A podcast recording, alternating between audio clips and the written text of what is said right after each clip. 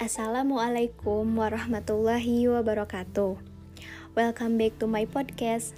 Saya Bunga Bilbina Rizkika, NIM 20000292339 dari kelas IKMD. Di sini saya akan menjelaskan tentang materi MKIPKN dengan judul Pandemi dan Tantangan Ketahanan Nasional Indonesia.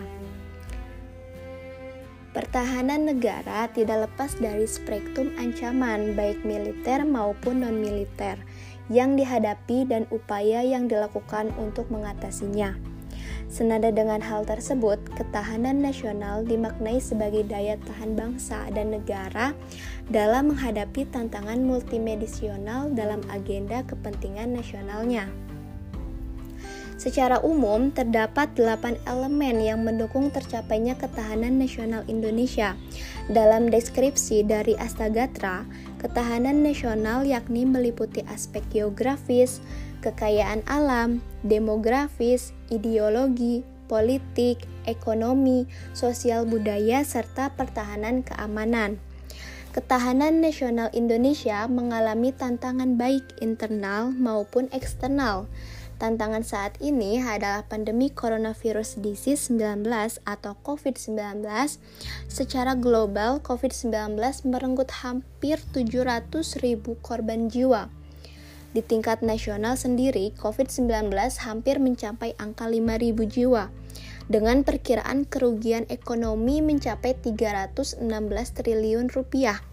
Sementara di sisi lain, COVID-19 tidak hanya memunculkan ancaman kesehatan masyarakat dan ekonomi, namun juga ketahanan pangan.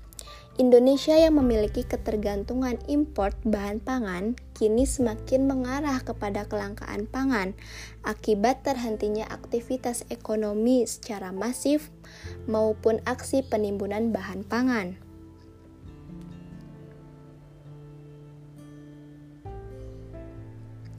Di sisi lain, pandemi tidak hanya menimbulkan ancaman bagi korban jiwa, namun juga telah menimbulkan tantangan dalam dimensi lain, yaitu ancaman kerentanan pangan.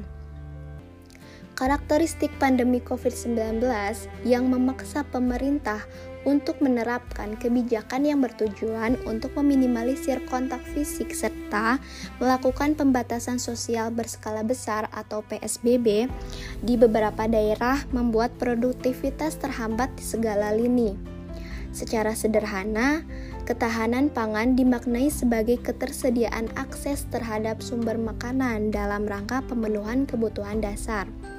Dalam konteks ketahanan pangan, PSBB telah mengganggu proses produksi, distribusi, hingga konsumsi bahan pangan sehingga muncul disrupsi atas ketiga proses tersebut.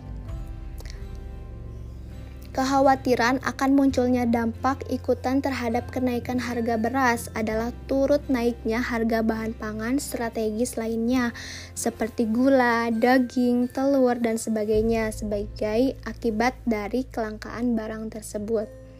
Sementara itu, dalam tataran distribusi dan konsumsi, COVID-19 turut mendisrupsi rantai distribusi pangan. Pandemi juga berdampak terhadap menurunnya daya beli masyarakat. Hal ini dipeparah dengan pemberlakuan PSBB di beberapa daerah yang berdampak kepada pembatasan jam operasional pasar yang semula 24 jam menjadi 10 jam sehingga hasil panen produk-produk pertanian tidak dapat terserap dengan maksimal dan mengakibatkan harga barang menjadi sangat murah. Di beberapa kota seperti Kota Malang misalnya, bahkan petani membagi-bagikan hasil pertaniannya tersebut kepada warga karena frustasi akibat produk pertanian tidak terserap di pasar. Mungkin cukup sekian podcast yang dapat saya berikan di dalam materi ini. Mudah-mudahan bermanfaat untuk semuanya. Kurang dan lebihnya saya mohon maaf. Terima kasih banyak. Wassalamualaikum warahmatullahi wabarakatuh.